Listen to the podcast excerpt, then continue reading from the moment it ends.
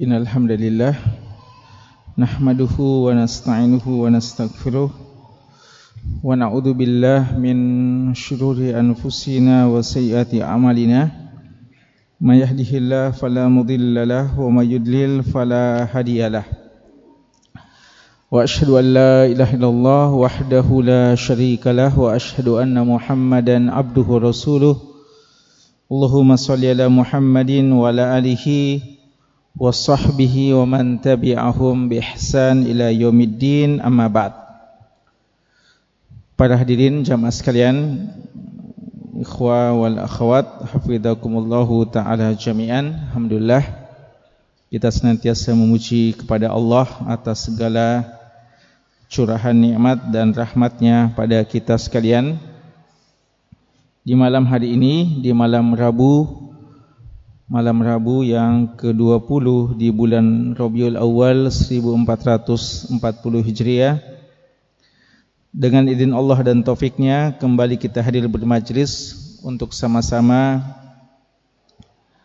membaca dan mengkaji kitab Qawaid Nabawiyah, kaidah-kaidah Islam yang bersumber dari hadis-hadis Nabi sallallahu alaihi wasallam.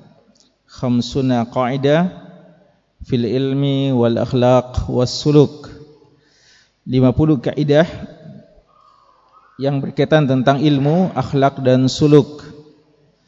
Kitab ini adalah karya dari Syekh Profesor Dr. Umar Al-Muqbil hafizahullahu taala. Dan alhamdulillah jemaah sekalian, pada pertemuan kita yang terakhir kita sudah menyelesaikan kaidah yang ke-41. Malam ini insyaallah kita akan membahas kaidah yang ke-42 atau dengan makna lain kita membahas hadis yang ke-42 ya karena seperti yang antum ketahui kaidah-kaidah ini semuanya adalah bersumber dari hadis-hadis Nabi kita Muhammad sallallahu alaihi wasallam ya kita sudah memasuki hadis yang ke-42 dari 50 hadis yang terdapat dalam buku ini. Ya, kalau kitab Arba'in maka inilah hadis yang terakhir ya karena dalam kitab Arba'in Nawawiyah jumlah hadisnya adalah 42. Sekarang kita ini sudah hadis yang ke-42. Ya, seandainya kita bahas ini adalah hadis Arba'in maka inilah hadis yang terakhir. Adapun kitab ini masih menyisakan kita sekitar tujuh hadis lagi dengan hadis kita ini. Uh, ya hadis ini uh, dan uh, hadis-hadis yang ke depan ya insyaallah taala ya semoga kita bisa menyelesaikannya dengan baik dan bisa memahaminya dan tentu saja uh, lebih dari itu kita mengamalkan kandungan isinya dan mendakwahkannya kepada umat. E, jamaah sekalian, malam hari ini insyaAllah kita akan membahas kaidah Al-Qaidatu An-Nabawiyatu Al-Thaniyatu Wal-Arba'un Kaidah yang ke-42 Bunyinya Inna dina yusrun. Inna dina yusrun. Sesungguhnya agama ini agama Islam maksudnya yusrun sesuatu yang mudah. Sesungguhnya agama ini adalah sesuatu yang mudah. Judul ini seperti yang kita ketahui ya kalau kita mendengarkan judul ini maka kita insyaallah akan paham bahwa judul ini diambil dari sebuah hadis Nabi kita Muhammad sallallahu alaihi wasallam inna dina yusrun. Inna dina yusrun. Hadis yang diriwayatkan oleh Imam Bukhari rahimahullah taala dan nanti akan ada penjelasan dari Syekh tentang hadis ini. E, jamaah sekalian seperti biasanya sebelum Syekh membahas kepada kita menjelaskan kandungan makna dari hadis ini, penjelasan tentang kaidah ini beliau mengutipkan kepada kita satu perkataan yang dijadikan sebagai pengantar sebelum kita membahas lebih jauh hadis-hadis kita ini atau kaidah kita ini. Kali ini beliau kutip perkataan dari Badruddin Al-Aini. Beliau mengatakan Inna Allah Ta'ala Sesungguhnya Allah Ta'ala Innama awjaba wa dhaifa minat ta'at Sesungguhnya Allah Subhanahu Wa Ta'ala Mewajibkan beberapa tugas-tugas Dari ketaatan-ketaatan Fi waktin Duna waktin Di satu waktu dan tidak pada waktu yang lainnya Jadi kalau kita mau memperhatikan dengan baik perintah-perintah Allah, maka kita akan dapati kehidupan kita ini tidak selalu dalam melakukan ketaatan-ketaatan yang sifatnya ibadah ritual kepada Allah Subhanahu wa taala. Kenapa kehidupan kita ini tidak penuh dengan ibadah saja? Ibadah-ibadah yang langsung kepada Allah. Padahal bukankah Allah Subhanahu wa taala menciptakan kita memang untuk beribadah. Kenapa ada waktu tertentu untuk solat, ada waktu tertentu untuk puasa, ada waktu tertentu untuk zakat dan seterusnya? Kata Imam Al-Aini, "Taisiran wa rahmatan." Ya ini hikmahnya adalah sebagai bentuk pemudahan untuk memudahkan kita agar kita tahu bahwasanya Allah sangat sayang kepada kita dan Allah Subhanahu wa taala memudahkan agama ini. Dan agama ini adalah agama yang mudah seperti yang disabdakan oleh Nabi sallallahu alaihi wasallam. Wa rahmatan dan rahmat Allah kepada kita.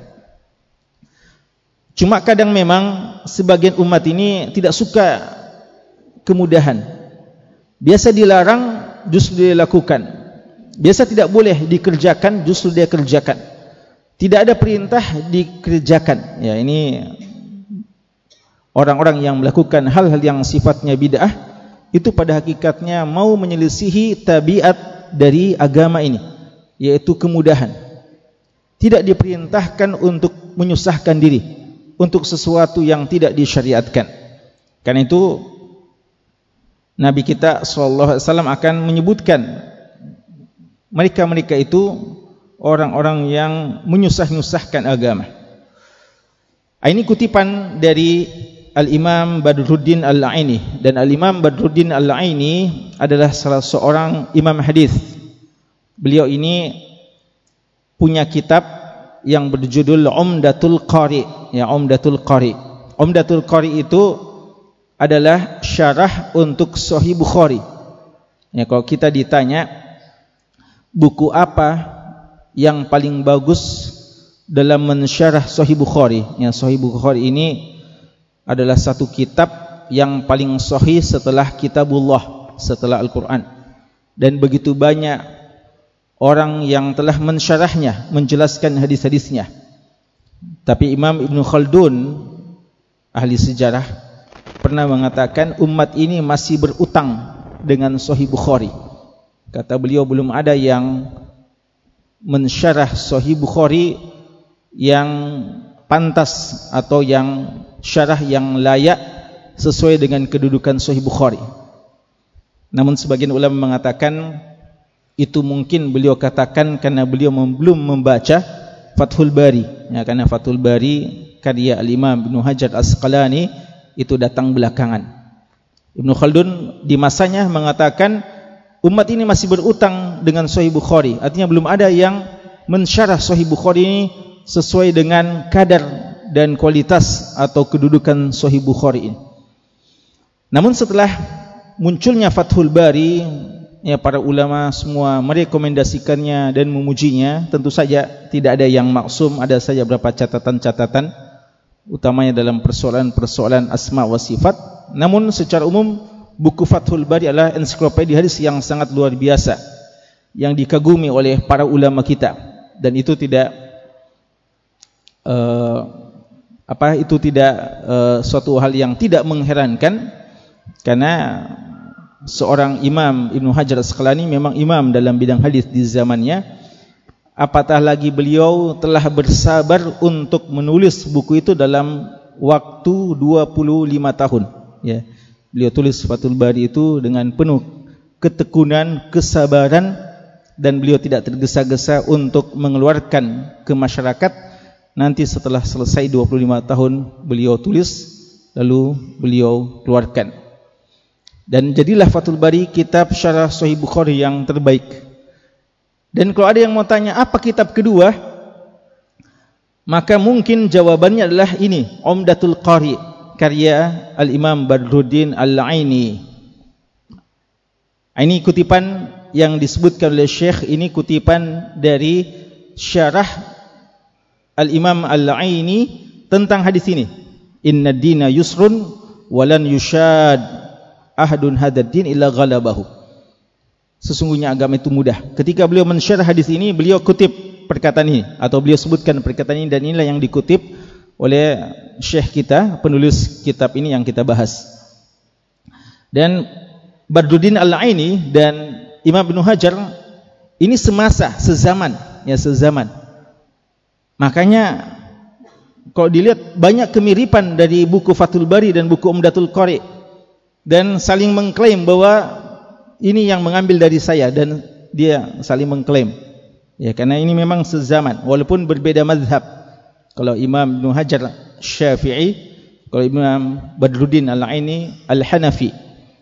Dan dua ini kitab yang bersaingan ya tanda kutip karena duanya sangat bermanfaat dan hampir sama besar sama tebalnya dan sama banyak manfaatnya. Dan seperti yang kita sebutkan sama-sama mengklaim bahwa saling mengambil saling uh, mengambil manfaat dari tulisan saya ya. Dan wafat mereka berdua cuma beda tiga tahun saja. Ya, Imam Al-Aini wafat tahun 855 Hijriah sedangkan Ibnu Hajar 852 Hijriah. Ala kulli hal Perkataan ini dari Umdatul Qari dan kita menganjurkan kepada para penuntut ilmu utamanya yang bisa membaca bahasa Arab untuk membaca kitab ini ketika mau mengetahui makna-makna hadis yang terdapat dalam Sahih Bukhari di samping membaca Fathul Bari sebagai rujukan paling utama. Jadi kutipan ini dari kitab tadi, ya kitab Umdatul Qari ketika beliau mensyarah hadis inna din yusrun kata syekh Umar Al-Muqbil hafizahullah ta'ala kaidah ini terdapat dalam sahih Bukhari. Asalnya adalah hadis yang disebutkan Imam Bukhari. Beliau sebutkan babnya. Beliau sebutkan babnya dalam sahih Bukhari inna dina yusrun. Eh, begitu judul babnya. Beliau judulkan babnya beliau dengan hadis ini, teks hadis ini. Inna dina yusrun, sesungguhnya agama itu mudah. Inna dina yusrun dan lanjutan hadis ini walan yushaddu dina ahadun illa ghalabahu dan tidaklah ada orang yang mau menyusah-nyusahkan agama ini kecuali dia akan dikalahkan sendiri. Jadi agama ini memang sudah pas begitu. Kapan kita memaksakan diri menambah-nambah maka kita akan kalah sendiri, tidak akan bisa istiqamah. Makanya itu orang yang mau menambah agama ini, mau menyusahkan dirinya, dia akan dikalahkan sendiri oleh idealismenya yang dia bangun yang keliru, yang tidak tepat. Namun siapa yang mengikuti sunnah dengan tepat, pas, tidak menambah dan tidak mengurangi, maka peluang untuk istiqamah itu besar. Karena memang dia bisa melakukannya sebagai kodratnya sebagai seorang manusia. Agama ini datang dari Allah dan Allah paling tahu bagaimana pasnya agama ini yang bisa dikerjakan oleh para hambanya. La yukallifullahu nafsan illa wus'aha. Allah tidak akan membebani syariat ini uh, kepada para hambanya sesuai dengan kesanggupannya. Maka syariat yang sudah ada ini sudah sanggup dilakukan oleh hamba Allah. Tapi kapan ditambah maka disitulah orang tidak akan sanggup. Ya, cuma memang kadang kita begitu. Masalahnya kadang kita mengatakan terlalu banyak syariat. Padahal kalau kita perhatikan mungkin kita mengatakan syariat ini terlalu banyak, terlalu berat. disebabkan kita berlebihan kepada sesuatu yang tidak diperintahkan atau kita sudah memas mengambil banyak porsi waktu untuk kemaksiatan atau hal-hal yang tidak bermanfaat padahal seandainya kita jujur dalam memanfaatkan waktu maka kita akan tahu bahwasanya benar firman Allah la yukallifullahu nafsan illa wus'aha benar sabda Nabi sallallahu alaihi wasallam inna dina yusrun sesungguhnya agama itu mudah. Kata beliau agama ini adalah agama yang datang dari Allah Subhanahu wa taala. Dan Nabi kita Muhammad sallallahu alaihi wasallam meringkas ya agama ini dengan kaidah yang mulia ini. Untuk menjelaskan tentang hakikat Islam dan menjelaskan bahawa agama ini adalah agama yang mudah dalam seluruh bagiannya. Ya, jadi bukan cuma mudah dalam satu bagian saja. Bukan mudah dalam satu bagian saja. Mungkin orang mengatakan dia mudah dalam persoalan solat saja umpamanya atau dalam satu akhlak saja. Tidak. Fi kulli syu'uni. Makanya tidak berlebihan. Dan memang seharusnya sudah gitu.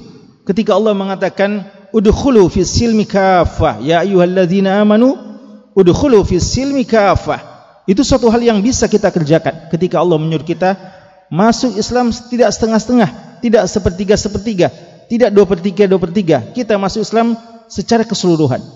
Dan itu mungkin dan bisa.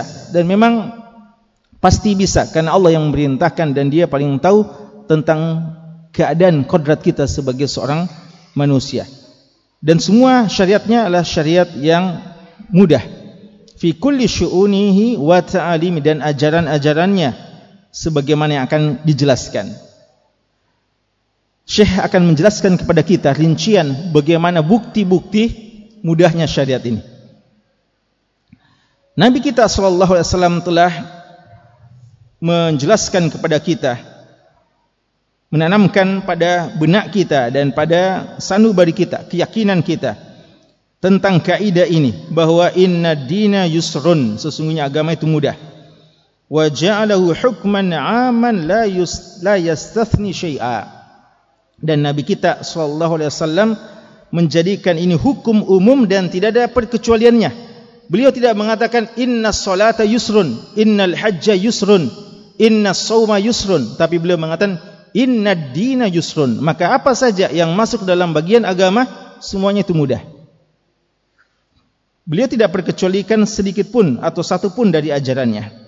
Fahuwa sahlun wa muyassarun maka agama ini adalah yang agama yang mudah dan dimudahkan fi aqaidihi dalam persoalan akidahnya. Akidah Islam yang terwakili oleh akidah Ahlus Sunnah wal Jamaah adalah akidah yang paling mudah. Mudah dipahami dan mudah diamalkan, mudah diyakini. Wa akhlaqihi dan akhlak-akhlaknya, wa a'malihi pengamalan-pengamalannya, bal fi ma yutlabu tarkuhu dan juga mudah dalam hal-hal yang kita diperintahkan untuk meninggalkannya. Jadi dia mudah dalam perintah dan dalam larangan. Ya.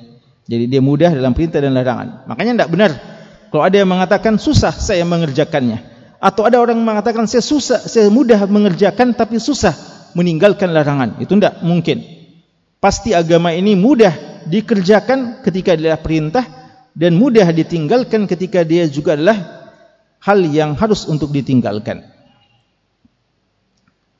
Mari kita perhatikan ikhwas sekalian. Ya kata syekh li ta li nata'ammal. Mari kita perhatikan akhil qari atau li tata'ammal akhil qari. Mari para pembaca, ya, para pembaca buku ini.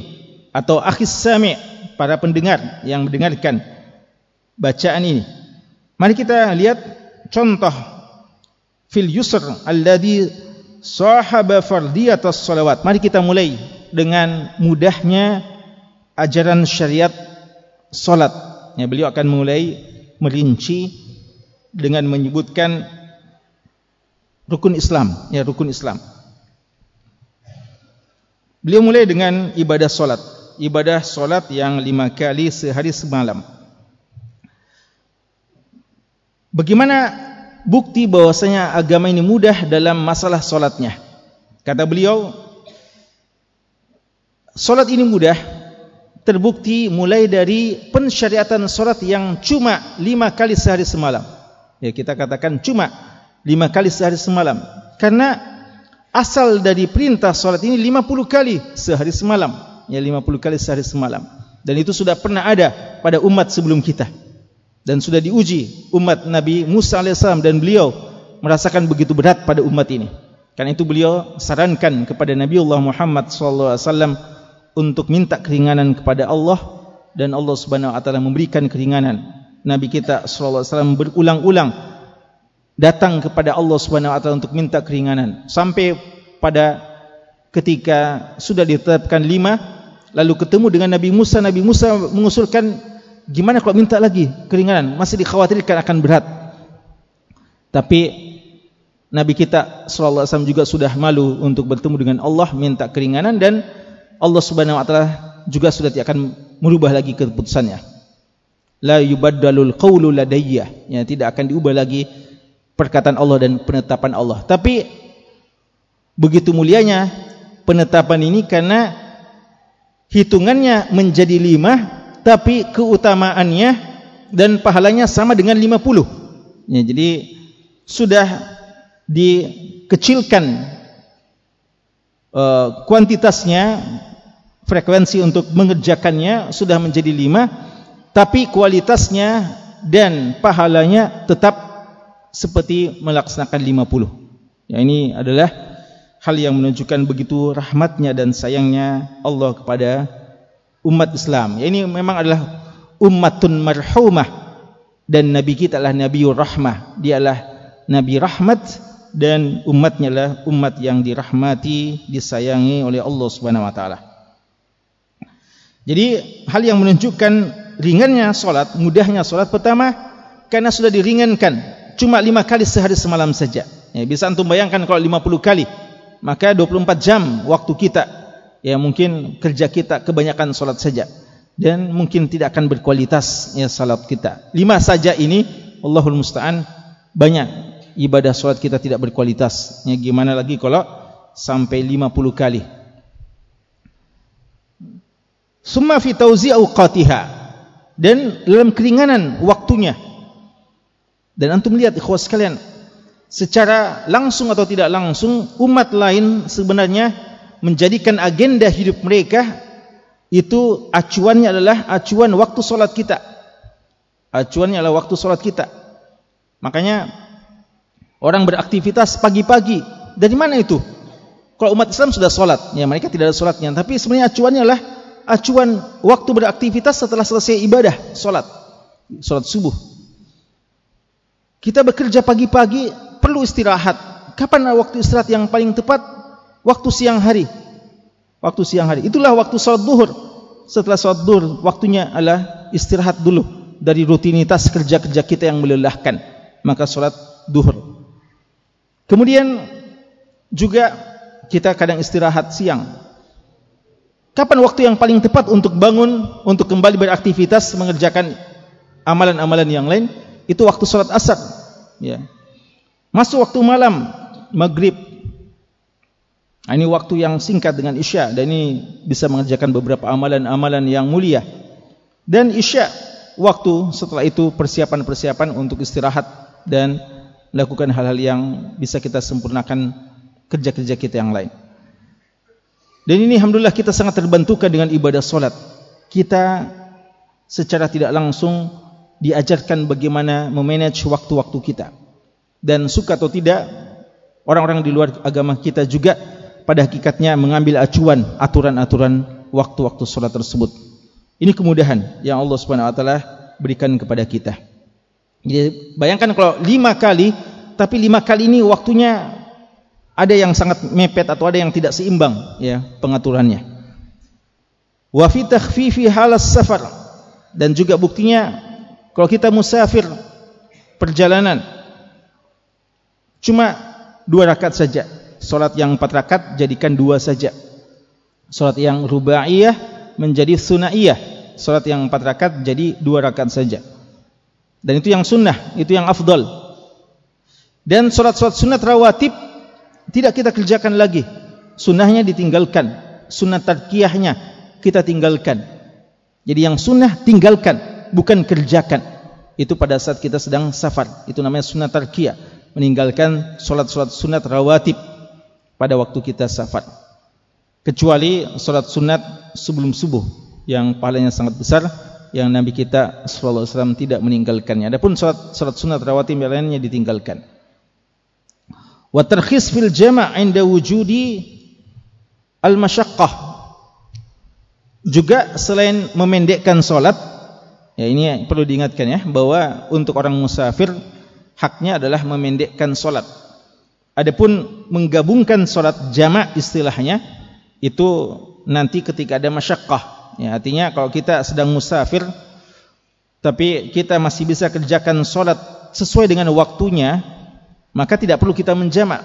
Ya kita mengadakan perjalanan umpamanya kita ke Jakarta ya hanya untuk ziarah ke kerabat kita dan kita tidak kemana-mana maka kita punya hak untuk mengkasar solat. Dua rakaat saja kita kerjakan yang solat empat rakaat. Adapun menjamaknya selama kita masih bisa kerjakan solat maghrib di waktunya solat isya juga di waktunya karena kita tidak ada aktivitas yang lain kita cuma berada di rumah keluarga kita saja hanya kita duduk-duduk bercengkrama dengan mereka ya dan seterusnya maka hukum asalnya kita tetap menjamak eh, tetap melaksanakan solat sesuai dengan waktunya walaupun kita punya hak mengkasarnya memendekkannya tapi kalau kita musafir lalu berat bagi kita untuk mengerjakan sesuai dengan waktunya. Karena kita musafir ini memang untuk satu pekerjaan. Ada satu tugas yang kita harus selalu mobile ya. Ke sana kemari banyak yang kita mau urus. Dan berat untuk kita solat sesuai dengan waktunya. Maka dapat lagi keringanan untuk kita menjamaknya.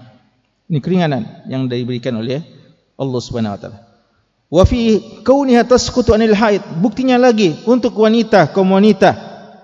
Mereka ada kedatangan bulan eh, ya kedatangan kebiasaan.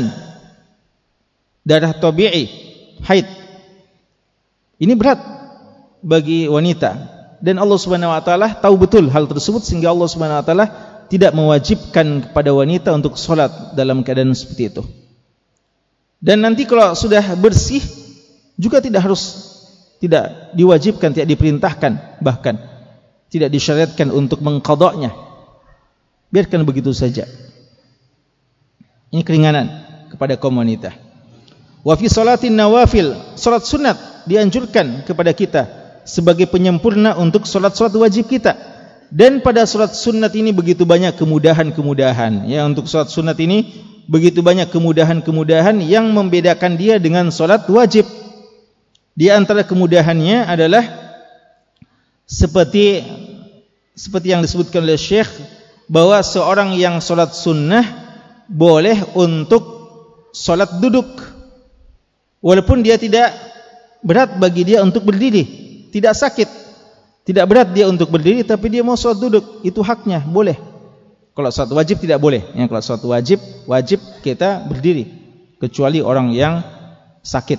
Ya tapi untuk sholat sunat walaupun dia dalam keadaan sehat wal afiat ya sehat tidak ada satu pun sakitnya tapi kalau dia mau mengambil keringanan untuk sholat sunat dengan duduk boleh saja. Walaupun tentunya pahalanya ya ini keadilan Allah juga. Pahalanya setengah dari pahala solat berdiri. Ya pahalanya setengah dari solat berdiri. Ini adalah keadilan Allah dan hikmah yang Allah Subhanahu tetapkan untuk hamba-hambanya kemudian juga dalam persoalan kiblat. Ya kita dalam solat diperintahkan untuk menghadap kiblat. Tapi kalau kita sudah berupaya dan kita tidak tahu mana arah kiblat yang benar maka kita boleh berijtihad dan kadang kita sudah menghadap kiblat tapi keadaan yang menjadikan kita kadang tidak menghadap kiblat lagi ya, pada saat kita berkendaraan umpamanya. Ya, awalnya kita sudah berusaha menghadap kiblat lalu nanti arah kendaraan kita membelokkan kita dari arah kiblat. Itu juga tidak mengapa. Ya. Ada keadaan-keadaan yang boleh tidak menghadap apalagi dalam peperangan umpamanya ya dalam keadaan perang yang betul berkecamuk dengan sengitnya. Itu juga dalam rijalan atau rukbana. Bahkan biar kita sambil berjalan dan sambil berkendaraan ya, kita solat dalam keadaan berperang dalam keadaan yang sangat genting dan seterusnya ya dan seterusnya. Kita diperintahkan untuk bersuci dengan air. Tapi kalau tidak ada maka kita diberikan keringanan untuk tayamum dan seterusnya. Begitu banyak bukti-bukti yusrunnya syariat ini dalam persoalan ibadah solat. Sekarang ibadah zakat. Wa amma zakatu apa bukti ringannya ibadah zakat? Beliau katakan di antara bukti ringannya ibadah zakat bahwa ibadah zakat zakat ini tidak diwajibkan kecuali bagi orang yang sampai nisabnya. Sampai nisabnya. Tidak semua kita diwajibkan, hanya bagi yang sampai nisabnya. Hartanya ya, hartanya emas dan perak atau yang sebanding dengan emas dan perak ya. Uang-uang yang kita miliki yang cukup dengan nisabnya ya 84 gram emas Wala tajibu illa fil amaratan wahida. Zakat harta pun tidak wajib kecuali satu kali saja. Satu tahun, satu kali setahun. Zakat fitrah juga, zakat fitri, zakat fitrah ini cuma sekali setahun juga diwajibkan. Dan juga tidak wajib pada semua harta kita. Bahkan kadang ada harta kita yang sangat bernilai, tidak ada zakatnya kendaraan kita mewah mungkin. Mobil yang sangat mewah tidak wajib untuk kita zakat. Rumah kita yang besar yang mentereng tidak wajib juga dizakati. Ya. Cuma beberapa saja asnaf dari harta-harta yang kita miliki yang wajib untuk dizakati. Dan juga nisabnya itu nisab yang kita harus keluarkan dari harta kita. Kalau sudah sampai nisabnya harta kita yang harus dikeluarkan juga cuma dua setengah persen saja. Ya dua setengah persen saja. Dari harta kita yang begitu banyak yang kita miliki ya karena orang-orang yang wajib zakat tentu saja kadar harta yang dimilikinya lumayan besar. Cuma dikeluarkan dua setengah persen dari harta yang dimilikinya. Dari sekian banyak yang Allah lapangkan kepada kita dari rezeki-rezeki tersebut dan seterusnya kata beliau ma'ama ja'alallahu fiya min astarin nafiyah hissiyah wa namiyah. Dan juga alhamdulillah tidak sia-sia. Ya tidak sia-sia. Sebenarnya secara umum tidak sia-sia selama kita kerjakan semua perintah ibadah maka tidak sia-sia walaupun kita tidak rasakan manfaatnya langsung. Tapi dengan rahmatnya Allah kepada kita bagi orang yang rajin berzakat apalagi kalau menambah dengan sedekah dia akan merasakan dampak langsung yang sangat positif, manfaat yang langsung dia rasakan dari zakat dan sedekah yang dia keluarkan. Ya. Sehingga dia akan merasakan bahwa tidak sia-sia. Sesuai dengan tabiat manusia ya. ya. Seharusnya setiap yang kita kerjakan karena Allah, walaupun tidak ada iming-iming dunia, duniawinya, atau tidak langsung kita rasakan manfaat duniawinya, kita tidak pernah menghitung-hitungnya. Tapi tabiat manusia kadang mau melihat apa balasan cepatnya. Orang-orang yang rajin berzakat dan rajin bersedekah akan merasakan begitu banyak manfaat-manfaatnya. Ketenangan jiwa dan juga hartanya tidak pernah berkurang. Kita sudah pernah bahas manas manaqasat sadaqatun min mal ya hadis Muslim yang sudah pernah kita bahas. Tidak pernah berkurang harta benda dari orang yang rajin bersedekah. Fiha tudfa al-afat anhum wa an amwalihim ya harta kita justru terjaga dan makin berberkah. Dan menyucikan ya menyucikan hati kita dari kecintaan kepada harta kebakhilan sifat-sifat yang tidak terpuji. Dan juga kita akan merasakan bagaimana hubungan yang harmonis dengan orang-orang yang kita bantu ya. Tanpa kita harapkan kadang orang-orang yang kita bantu akan berterima kasih kepada kita. Dan ada hubungan yang baik dengan kita Beda kepada orang-orang yang bakhil, yang orang akan membencinya. Dan begitu banyak masalah-masalah yang lainnya. Itu zakat, puasa. Wa amma siyam, adapun pu siam puasa, maka kata beliau, siapa yang memperhatikan awal pensyariatan puasa, kemudian apa yang didapatkan dari keringan-keringanan, maka dia akan mengetahui bagaimana kemuliaan ibadah zakat, ibadah solat, eh, ibadah puasa ini. Yang mulai dulu awal pensyariatannya cuma satu hari saja, ya. Cuma apa? Cuma puasa Ashura itu yang diwajibkan awal kali. sebelum diwajibkan ibadah puasa Ramadan. Dan juga pernah diberikan pilihan mau bayar fidyah atau berpuasa. Kemudian hingga diwajibkannya puasa. Itu adalah keringanan-keringanan yang Allah berikan kepada para hambanya. Kemudian dia diwajibkan cuma sekali sebulan, uh, sekali setahun dalam satu bulan. Satu bulan dari dua belas bulan yang Allah subhanahu wa ta'ala ciptakan. Dan puasa juga cuma siangnya saja. ya, Tidak malam. Tidak ada malam. Bahkan syariat ini melarang orang puasa malam. Seandainya ada orang bilang saya kuat, ini sudah waktu maghrib, tapi rasanya belum lapar, maka saya mau lanjut, maka kita katakan lanjutmu puasa itu bukan kebaikan. Bahkan bisa merupakan kemaksiatan karena dia bukan syariat yang diajarkan kecuali bagi Nabi kita Muhammad wasallam yang memang dikhususkan untuk itu. Adapun umatnya maka terlarang puasa wisal. Nah, ini keringanan. Dan juga Allah Subhanahu wa taala membolehkan puas eh, membolehkan buka puasa bagi orang yang sudah tidak sanggup yang berat bagi dia orang yang sakit atau musafir walaupun mungkin tidak terlalu berat selama dia musafir berhak untuk mengambil keringanan tersebut. Ya biar pesawat naik pesawat umpamanya. Ya dan dia berada di tempat ber-AC umpamanya. Ya kalau dia mau mengambil keringanan untuk tidak puasa bagi orang yang musafir itu boleh-boleh saja. Kemudian juga kalau ada utang puasa kita maka Allah Subhanahu wa taala menyuruh kita untuk membayar sesuai dengan hari yang ditinggalkan. Dan kapan kita mesti mengqadanya waktunya lapang terbuka. Tidak harus langsung Syawal bisa bulan-bulan lainnya. Bahkan bisa bulan Sya'ban seperti yang biasa juga dikerjakan oleh Aisyah radhiyallahu taala anha. Jadi ini kemudahan. Dan juga kata beliau yang menunjukkan kemudahan pada puasa ini adalah Allah Subhanahu wa taala menutup ayat-ayat tentang puasa yang Allah sebutkan dalam surat Al-Baqarah dengan firman-Nya yuridullahu bikumul yusr wala yuridu bikumul usr. Ya Allah menginginkan kemudahan dan tidak menginginkan kesusahan. Dan di antara ya walaupun Syekh tidak sebutkan di antara hal yang menunjukkan mudahnya syariat puasa kita ini umat Islam utamanya adalah adanya yang dinamakan dengan makan sahur.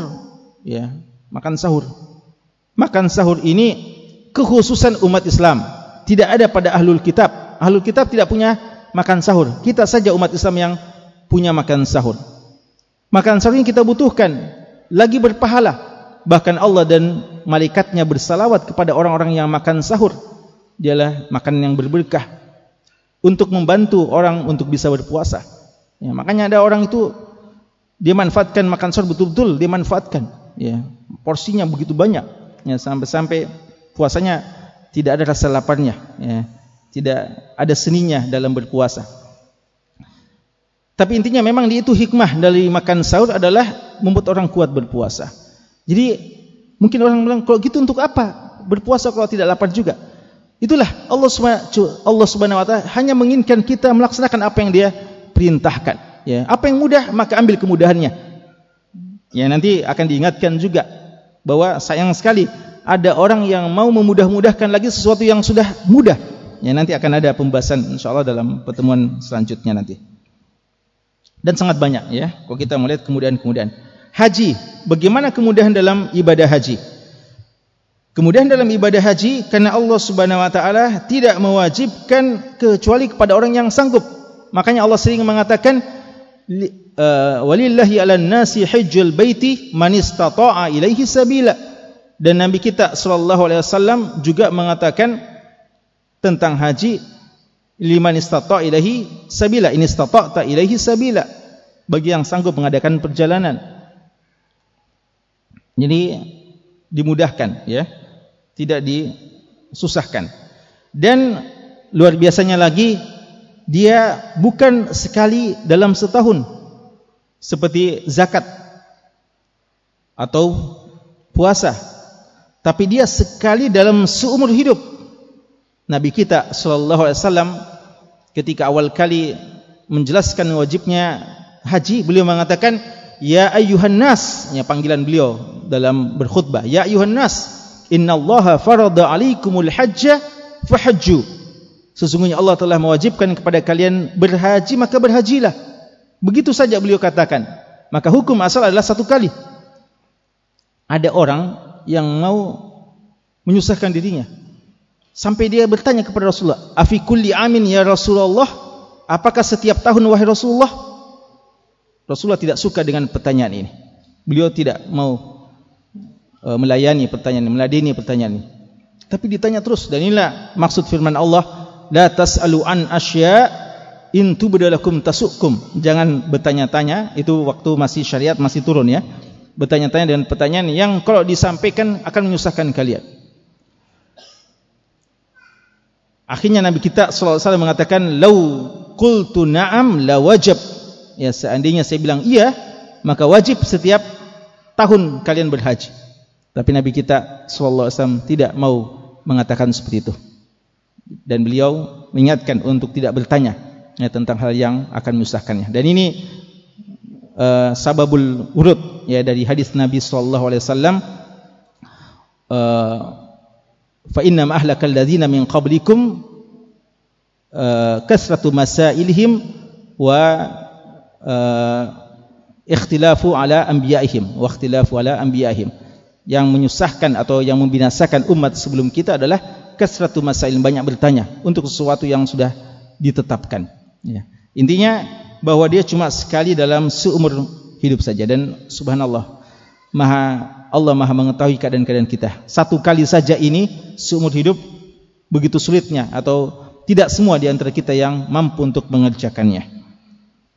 Kemudian juga di antara keringanannya Allah Subhanahu wa taala memvariasikan ibadah-ibadah dari haji ini.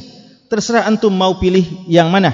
Ifradkah tanpa mesti menyembelih? Atau antum mau qiran? Atau antum mau tamattu? Divariasikan silahkan pilih. Kemudian juga begitu banyak manfaat-manfaatnya. Laisa alaikum junahun an tabtagu fadlan min rabbikum. Mau berhaji karena Allah di samping juga untuk mencari peluang-peluang bisnis tidak apa-apa. Ya Allah Subhanahu wa taala tidak melarang hal tersebut. Yang penting tujuan pertama adalah karena Allah Subhanahu wa taala. Ya Allah tidak melarang tidak berdosa. Dan Allah mengatakan dalam surat Al-Hajj satu hikmah besar dari haji liyashhadu manafi'a lahum agar mereka menyaksikan begitu banyak manfaat-manfaat bagi mereka-mereka itu. Yang semua orang yang mengerjakan ibadah haji itu akan tahu begitu banyak manfaat-manfaat. Ceritanya tidak pernah habis. Ya, mungkin satu kali saja dia haji seumur hidup. Cuma satu kali dia sempat haji. Tapi mungkin selama setelah dia haji sampai dia meninggal tidak habis-habis ceritanya tentang haji. Ya, kenapa? Karena memang begitu banyak manfaat yang dirasakan oleh orang yang mengerjakan ibadah haji sebagai pembuktian kebenaran firman Allah liyashhadu manafi'alahum. Dan terakhir eh, untuk pertemuan malam ini. Eh, bukti keringanan pada persoalan muamalah. Kalau muamalah apatah lagi ya. Kalau saja ibadah begitu mudah maka apalagi muamalah? Kenapa mudah muamalah? Karena hukum asal dari muamalah adalah al aslu fil asya al ibaha awil hil. Hukum asal dari persoalan muamalah keduniaan itu adalah boleh-boleh saja halal mubah sampai ada dalil yang melarangnya. Ya Allah mengatakan wa ahallallahu al bay' wa harrama ar riba Allah menghalalkan jual beli. Apa saja jenis jual beli. Lalu Allah mengharamkan riba ya. Jadi selama tidak ada ribanya silahkan ya.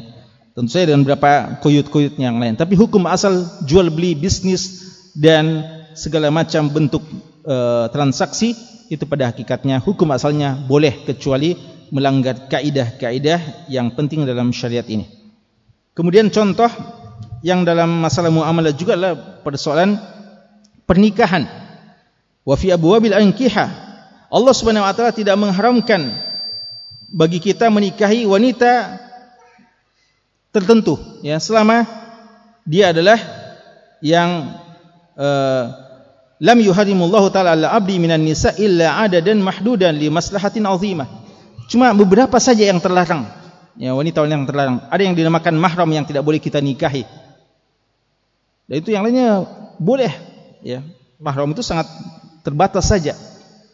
Bahkan ada yang karib yang cukup kerabat boleh saja menikahinya ya. Sepupu itu bukan mahram boleh saja dinikahi.